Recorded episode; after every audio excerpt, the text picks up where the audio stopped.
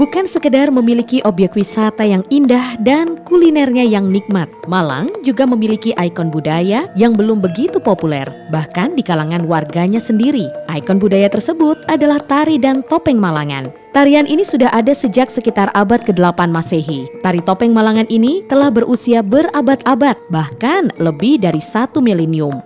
Ia mulai dikenal sejak dipertunjukkan oleh Raja Gajayana, Kerajaan Kanjuruhan, kerajaan tertua di kawasan Malang. Berikut seperti yang disampaikan oleh pakar seni dan budaya Malang, Isa Wahyudi, SPSI MPSI.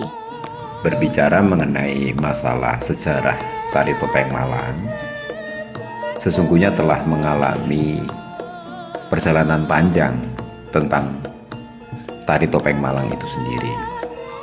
Sebelum bicara soal tari, kita bicara soal topeng, bahwa topeng sebenarnya digunakan sudah lama di era kerajaan Kanjuruhan, Raja Gajayana, di mana topeng-topeng itu digunakan untuk upacara keagamaan atau kegiatan-kegiatan spiritual, mengundang roh leluhur, dan Raja Gajayana telah memakainya.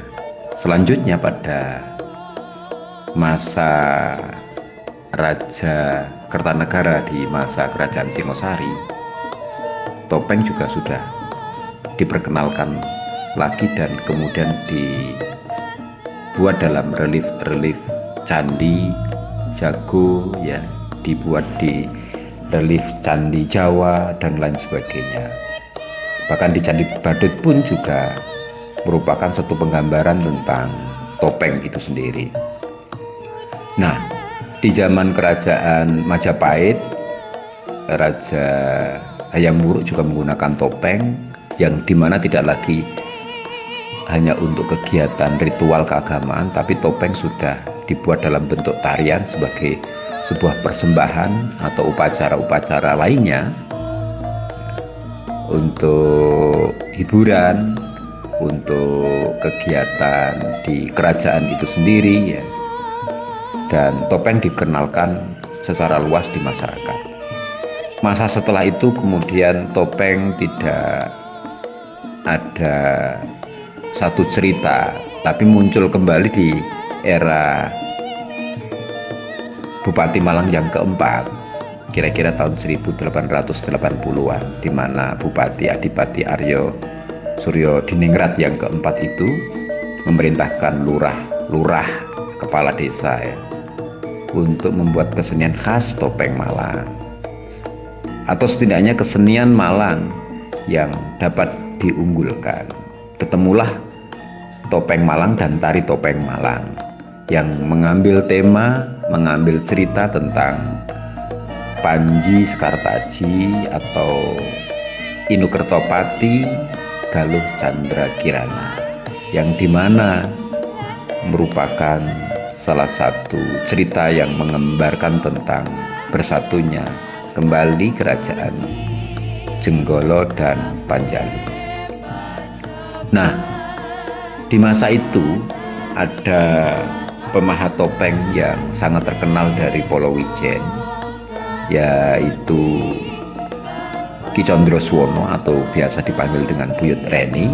Dia adalah pemahat terbaik di zamannya yang kemudian dijadikan sebagai acuan bagi para seniman topeng Malang yang tersebar di Jabung Tumpang, Kedung Monggo, Glagadowo, Jambuwer dan lain sebagainya termasuk Senggreng, Biji Ombo di mana di kampung-kampung itu merupakan kantong topeng yang sampai saat ini masih lestari dan dilestarikan oleh masyarakat serta pegiat seninya. Nah, Ki Condro Suwono atau Mbah Reni itu akhirnya mendapatkan julukan sebagai Ki Ageng Sunggung Linuwe yang kemudian diangkat menjadi pegawai rendahan begitu ya di Kabupaten Malang yang memang bertugas untuk mengembangkan kesenian topeng Malang. Dan kemudian Mbah Reni ini mengembangkan topeng Malang di Jabung dan sekitarnya. Sehingga kegiatan seni topeng Malang ini menjadi uh, menyebar di mana-mana dan beberapa menggunakan alur cerita tentang Panji dan Dewi Sekartaji Tapi ada juga yang uh, menceritakan tentang Ramasinta ya, khususnya di daerah Lowok Permanu dan sekitarnya atau mungkin di daerah Gunung Kawi sana.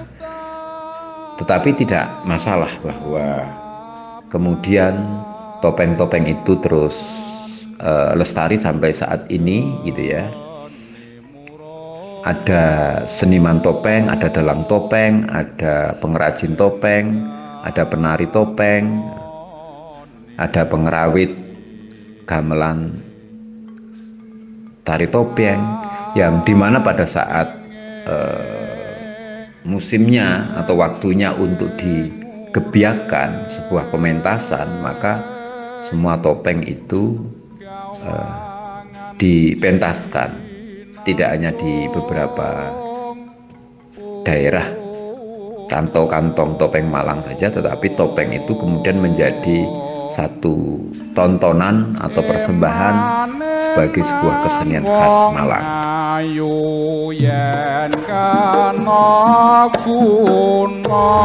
Dulunya tari topeng Malangan lekat dengan upacara keagamaan sehingga sifatnya lebih spiritual Tari topeng dianggap sebagai medium untuk memanggil dan berkomunikasi dengan ruh leluhur. Selanjutnya tarian ini kemudian berkembang menjadi sebuah pertunjukan seni meskipun tetap saja ada unsur spiritualnya. Tari topeng makin melambung pada era Singosari. Raja Kertanegara menggunakan tari topeng dengan cerita yang populer kisah percintaan antara Raden Panji Inu Kertapati dan Galuh Chandra Kirana dari Janggala dan Daha.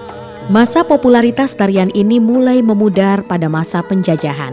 Tarian ini kemudian terpinggirkan dan hanya eksis di kalangan masyarakat sekitar Kabupaten Malang seperti di wilayah Pakisaji, Wonosari, dan Tumpang. Namun beberapa tahun terakhir, budayawan dan pengrajin Malang makin menggiatkan kesenian ini baik dari tarian maupun kerajinan topengnya. Tari topeng Malang telah mengalami masa pasang surut kebangkitan awal di tahun 1880-an sampai 1930-an masa-masa itu adalah masa-masa tumbuh dan berkembang tari topeng Malang yang berada di kantong-kantong topeng Malang yang tersebar di beberapa desa dan penjuru daerah Malang. Setelah kemerdekaan topeng Malang pun juga masih berkembang, tetapi topeng Malang juga pernah mati suri di masa ada gerakan 30 SPKI karena kegiatan kesenian lebih bernuansa politik dan menjadi bagian dari gerakan-gerakan pemberontakan saat itu, maka tari topeng Malang sempat berhenti. Dan itu hampir terjadi dan dirasakan di seluruh daerah-daerah yang menjadi kantong topeng Malang. Baru kemudian topeng Malang bangkit kembali tahun 80-an oleh generasi selanjutnya para pegiat topeng yang ada di kampung-kampung topeng tersebut baik di Jabung, Jambuwer, Tumpang, Kedung Monggo, Polowijen dan lain sebagainya. Maka pemerintah saat itu pernah berinisiatif mempersatukan topeng Malang sebagai bagian dari upaya kebangkitan kesenian Malang.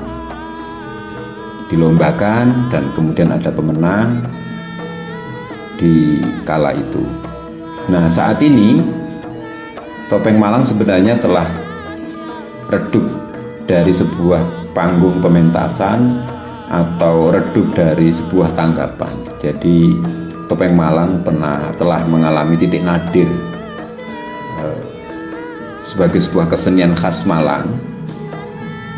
Maka hari ini perlu kiranya kita membangkitkan kembali tari topeng Malang sebagai salah satu kesenian khas Malang dan menjadi warisan budaya tak benda kita.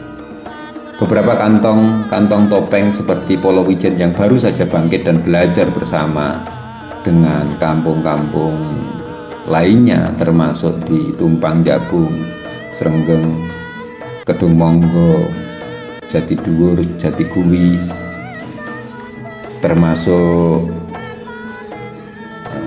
Lowo Permanu, Glagadowo, dan beberapa daerah-daerah kantong topeng lainnya, maka perlu kiranya ada sebuah gebrakan-gebrakan untuk membangkitkan topeng Malang.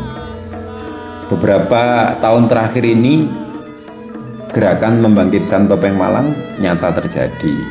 Misalnya dengan membuat seribu tari topeng sabran 5.000 topeng bapang yang diselenggarakan di pantai. Itu saya kira sebagai upaya-upaya untuk membangkitkan gerakan topeng Malang, termasuk beberapa kali diselenggarakan flash mob topeng Malang yang ada di Car Free Day atau di beberapa daerah yang lain. Saya kira itu upaya-upaya yang dilakukan oleh masyarakat, komunitas, pegiat seni untuk membangkitkan kembali topeng Malang. Perlu kiranya pemerintah memberikan perhatian terhadap kebangkitan ini dengan cara memberikan sentuhan, bantuan, support, dan lain sebagainya terhadap kantong-kantong topeng ini dengan cara memfasilitasi dalam bentuk pelatihan, mendokumentasikan, serta kemudian memberikan kesempatan untuk pentas. Maka topeng Malang yang menjadi ciri khas dan ikon Malang Raya itu akan menjadi kebanggaan topeng Malang dan menjadi warisan budaya tak benda yang dapat membanggakan masyarakat Malang sekitarnya. Dari potongan kayu seperti kayu sengon, nangka, kembang, dan mentaos yang dipahat, jadilah sebuah topeng. Bentuk dan ekspresi satu topeng dan topeng lainnya berbeda. Ada yang wajahnya halus, ada juga yang seperti buto atau raksasa. Warnanya pun juga bisa menjadi berbeda. Ada yang putih, merah, hijau, dan keemasan. Adanya pemilihan warna dan bentuk wajah yang beragam memang disengaja karena satu topeng menggambarkan satu karakter. Karakter yang beragam tersebut menjadi bagian dari sebuah pertunjukan tarian. Berbicara mengenai ragam jenis topeng Malang, tentu kita tidak bisa lepas dari cerita tentang wayang topeng Malang itu sendiri.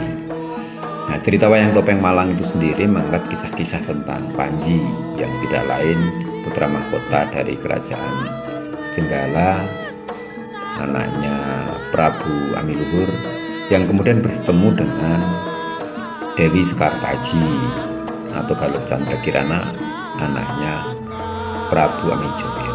Mereka ini kakak beradik bersaudara begitu ya yang kemudian Eh, mempunyai kekuasaan dan wilayah masing-masing sehingga kemudian kisah tentang Panji adalah kisah bersatunya kembali dua kerajaan tersebut dan menjadi kejayaannya di masanya kerajaan Kediri. Nah, Topeng Malang mengangkat kisah-kisah tentang Panji di mana dulunya ada 60 karakter topeng baru kemudian di Kedung Monggo dikembangkan menjadi 76 karakter ya kalau kemudian kita kelompokkan ya ada empat ya karakter besar begitu ya di antaranya adalah karakter protagonis yaitu karakter tentang Panji dan lain sebagainya ada karakter tokoh antagonis ada karakter abdi atau pembantu, ada juga karakter binatang. Nah, dalam seni pertunjukan topeng Malang, ya, karakter-karakter tentang protagonis itu tidak lain adalah Panji Asmorobangun itu sendiri, Dewi Sekartaji, Gunung Sahari, Dewi Ragil, Kuning, dan lain sebagainya. Masih banyak karakter-karakter dalam topeng Malang. Adapun karakter tokoh protagonis ya Bapang, Klono Swandono, Pate, dan lain sebagainya banyak. Terus kemudian ada Demang karakter lucu ya Demang Mones. Terus Potro Joyo itu karakter-karakter lucu yang kemudian menyertai tentang topeng itu sendiri. Ada juga karakter binatang seperti uh, Anoman gitu ya. Ketek ya sebenarnya kan gitu. Anggota Anilo maksudnya. Terus kemudian ada juga karakter uh, Bader karakter macan dan lain sebagainya semuanya ada nah semuanya topeng-topeng itu mempunyai ciri khas masing-masing dari muka dengan warna yang berbeda beserta dengan mahkotanya. Nah, di masing-masing uh, pengrajin antara topeng yang dibuat di Brang Kidul, Pakis Aji dan sekitarnya itu berbeda dengan topeng yang dibuat di Brangetan yaitu tumpang, jabung, lagadowo dan lain sebagainya. Perbedaan itu sebenarnya sangat mencolok pada ornamen yang ada di mahkotanya ya hiasan-hiasan yang ada di kepala itu. Kalau warna itu bisa diidentifikasi hampir rata-rata semuanya sama. Misalnya Asmoro Bangun itu warnanya kan karakternya hijau. Wajahnya itu melambangkan tentang baik hati, sifat jujur, sabar, kira-kira begitu dan rata-rata perwira uh, itu ya matanya seperti berbulir padi lah gitu ya. Kita bisa lihat dari isi bibirnya dan lain sebagainya. Karakter Dewi Sekartaji karena topengnya warnanya putih ya. Maka hidungnya mancung. Maka itu melambangkan tentang kesucian, kelembutan, baik hati. Gunung Sari demikian, warnanya juga putih, matanya sipit, berkumis panjang gitu. Ya, itu melambangkan tentang kebaikan. Dewi Ragil kuning kuning ya wajahnya kuning. Itu melambangkan tentang kesenangan. Nah karakter-karakter yang lain seperti Klono Swandono itu merah. Ya, warnanya merah. Terus uh, menggunakan ceplok mawar itu ya melingkar itu kan. Mulutnya berbentuk jambi sinigar stangkep misalnya begitu ah, ada melati ronce dan lain sebagainya. Itu topeng Klono Swandono. Dia peran pemberani tapi pemarah gitu ya. tokoh-tokoh yang menggambarkan topeng merah. Ada juga Bapang ya hidungnya mancung begitu. Dia juga melambangkan pemberani. Warna topengnya ya merah saya kira top, warna-warna topeng yang lain itu memberikan gambaran tentang karakter, sifat kepribadian yang kemudian bisa dimainkan oleh pemainnya sesuai dengan penokohannya.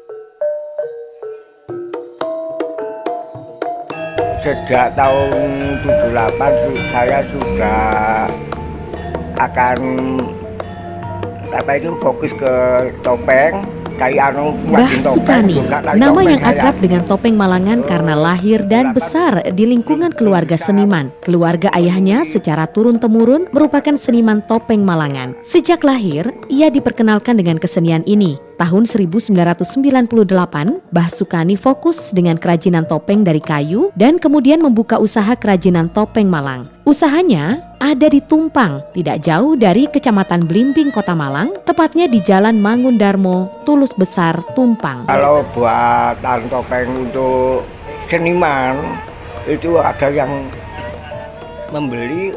Memahat kayu menjadi sebuah topeng ternyata tidak mudah. Ada berbagai hal yang harus dikuasai pemahat selain bisa menghasilkan karya topeng yang rapi dan halus. Ia juga harus mengenal karakter untuk dibuat dalam topeng tersebut. Setelah dipahat dan dihaluskan, baru kemudian memasuki proses pewarnaan. Dalam pengerjaannya, Mbah Sukani juga dibantu oleh sang putra yaitu Amin Karyanata. Hanya saja ia mengaku belum cakap melakukan proses pembuatan patung dengan memahat. Ia baru bisa membuatnya dari bahan fiberglass karena hanya tinggal dicetak. Saat ini ia membantu proses pemasaran dan menjadi pengajar tari. Pembuatan topeng Malang itu bisa dibilang rumit ya rumit, mudah ya mudah. Sangat tergantung bahwa topeng Malang itu dibuat untuk keperluan apa. Kalau topeng Malang itu dibuat untuk keperluan pementasan, tentu tidak sembarangan topeng itu dibuat. Ada satu ritual atau tradisi yang memang harus eh, dilakukan gitu ya, yaitu eh, budaya Uger.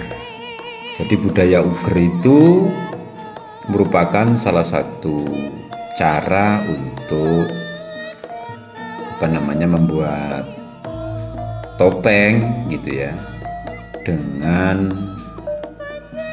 pemilihan-pemilihan kayu tertentu dan proses-proses tertentu sehingga kemudian topeng itu dibuat menjadi sedemikian rupa untuk keperluan pementasan. Awal mula pemilihan kayu itu dilakukan dengan cara mecok misalnya entah karena eh, tergantung pada kayu yang mau dipakai jadi ada kayu nangka ada kayu mentaus kayu pulih dan lain sebagainya ada kayu cendana gitu. kalau di kampung budaya Polowijen itu menggunakan kayu Kamboja, Sembojo ya, yang kita ambil di kuburan. Biasanya kita potong itu tidak boleh dengan jatuh di tanah, baru kemudian kita angkat, kita taruh ya, pakai selendang gitu, diemban gitu, baru kemudian ditaruh di rumah. Nah proses pengambilan itu menggunakan hari-hari tertentu salah satunya hari Jumat Legi gitu ya di malam hari itu diambil baru kemudian uh, prosesi selanjutnya ya dibuat itu topeng dengan uh, pertama misalnya membelah setelah dibelah kemudian dibuat muka baru kemudian proses selanjutnya dibuat topeng secara keseluruhan. Ada proses-prosesnya sendiri. Nah, budaya Uger selama proses pencarian kayu ini memang tidak bisa e, sembarangan karena memang ini merupakan proses pembuatan topeng-topeng sakral gitu. Jadi penting kiranya e, pada saat pembuatan topeng ini diselaraskan dengan siapa yang nanti akan memakai topeng ini.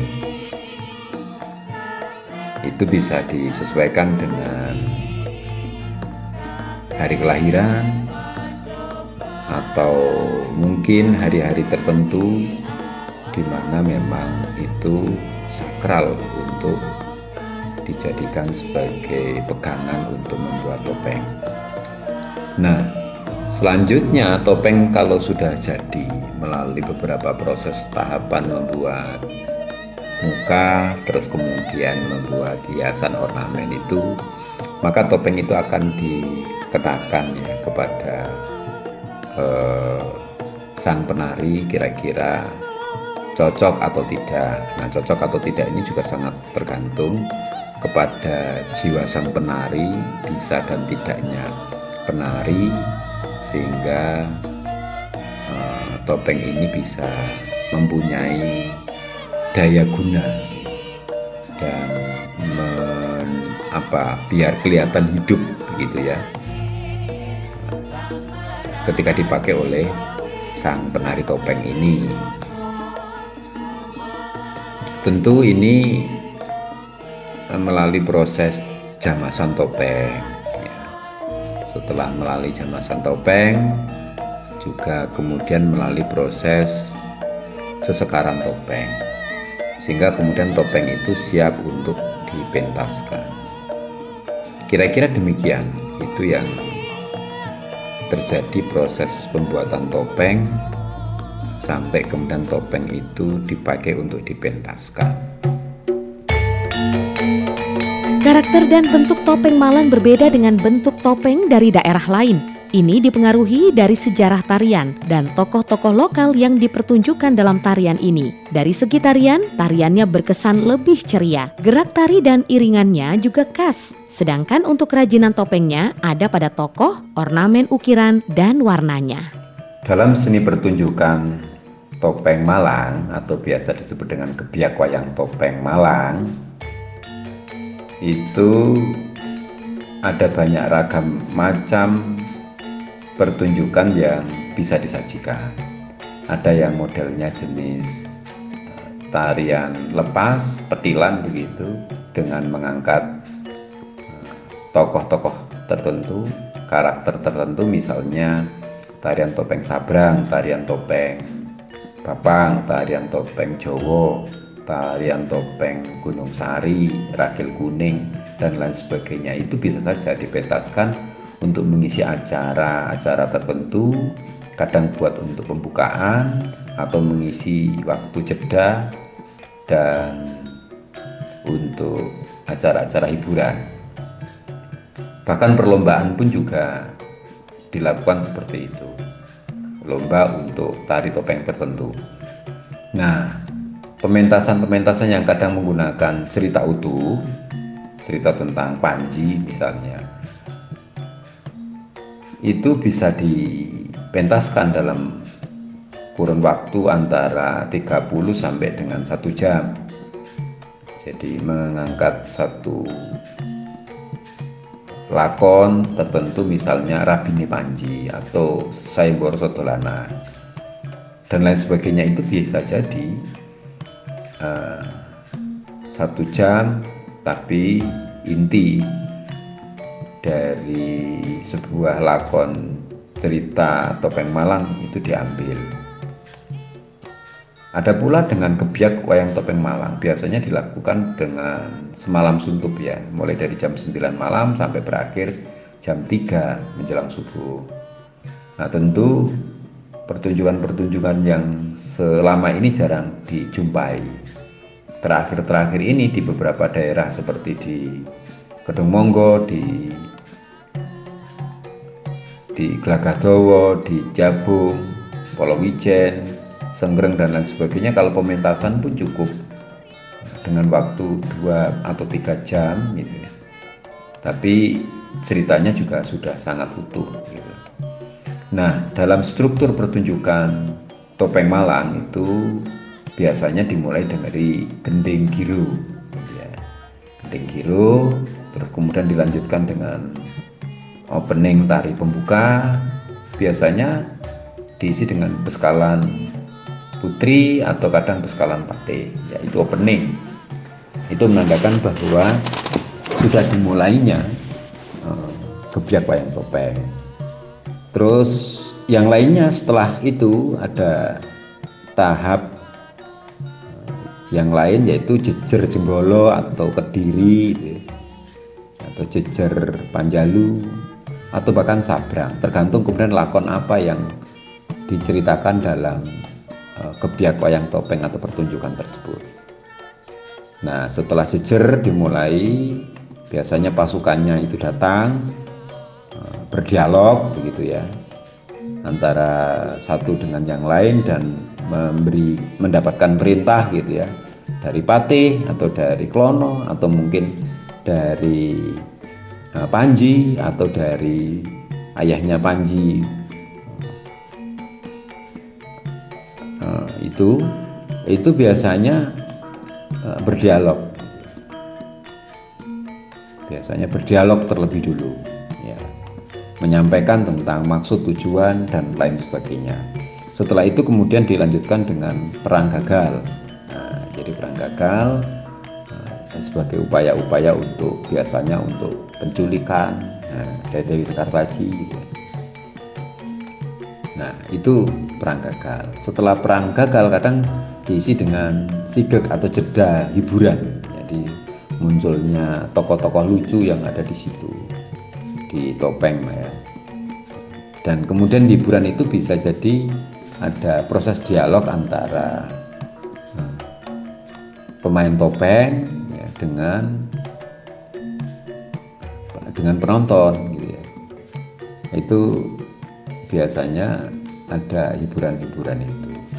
Ya, yang muncul ya demang, kadang juga potro, kadang juga tokoh-tokoh yang lain gitu ya, biungban dan lain sebagainya. Terus ada juga perang beneran ini ya di antara Jenggolo atau Panjalu dengan Sabrang. Biasanya Sabrang datang dalam rangka ingin melakukan penguasaan terhadap suatu wilayah dengan cara misalnya melakukan perebutan eh, putri-putri raja misalnya seperti itu. Contohnya seperti itu. Ada juga setelah perang ya mana siapa menang siapa kalah begitu kan nanti akan kelihatan di situ. Baru kemudian ada temu sebagai salah satu ending mempertemukan tekan tokoh sentral tersebut misalnya Panji Sekartaji Panji bertemu dengan Sekartaji ya. atau Radil uh, Raden Gunung Sari dengan Radil Kuning itu adalah uh, happy ending dari sebuah uh, perang yang kemudian dimenangkan oleh dimenangkan oleh Jenggala atau Panjalu dimenangkan oleh Raden Gunung Sari atau Panji Asmoro Bangun itu sendiri. Setelah itu kemudian ada closing tari Gunung Sari. Kalau sudah ada tarian Gunung Sari itu menandakan bahwa pementasan hampir usai, gitu ya. Nah, itu sebagai salah satu hiburan gitu ya dalam struktur uh, tari topeng Malang itu sendiri. Nah tentu uh, menyangkut tentang seni pertunjukan itu banyak yang bisa diambil manfaat ketika kemudian pertunjukan topeng Malang itu uh, diselenggarakan. Membawa dampak positif bagi warga masyarakat gitu ya. Bahwa terkadang juga ada pasar terkadang ada orang jualan dan lain sebagainya. Itulah topeng Malang yang sebenarnya uh, hampir mirip seperti wayang wayang wong tapi di sini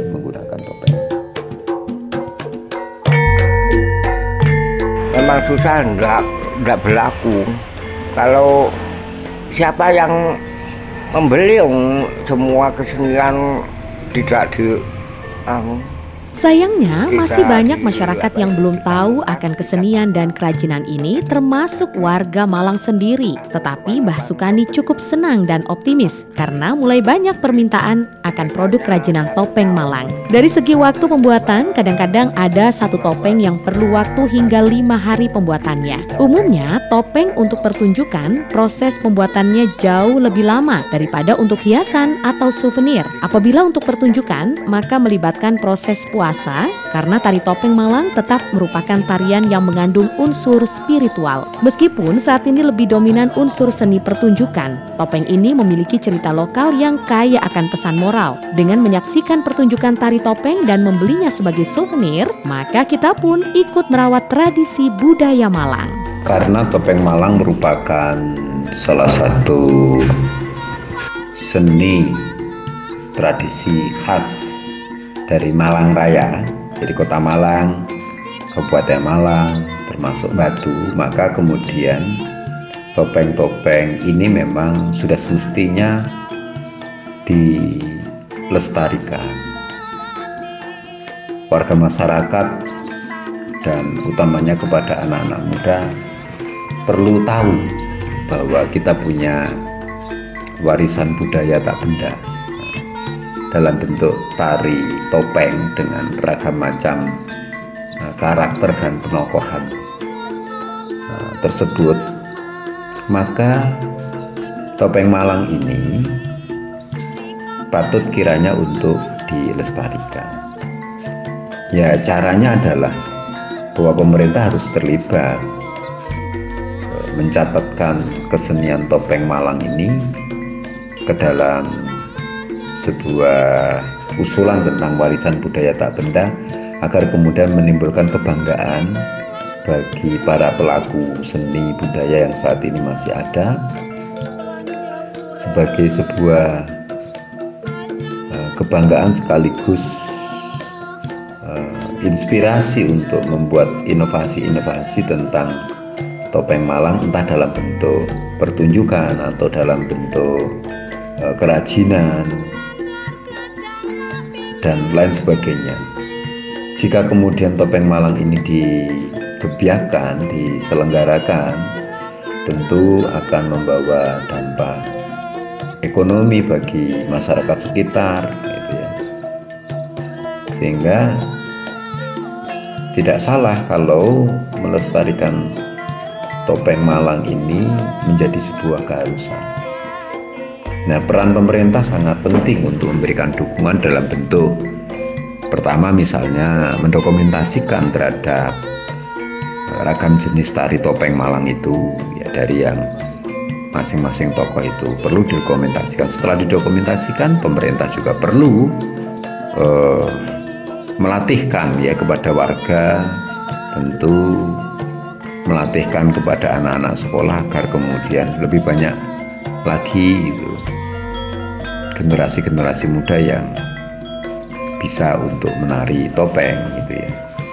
Jadi dampak-dampak ekonomi yang lain tentu akan bermanfaat bagi kesejahteraan para seniman, para pekerja seni, para pelaku eh, seni budaya dan akan memberikan spirit eh, serta rasa bangga terhadap daerahnya karena topeng Malang itu merupakan salah satu kekayaan yang khas, unik, kreatif, dan masyarakat perlu mengapresiasi itu semuanya. Saya Ki Demang dari Kampung Budaya Polowijen, Kota Malang.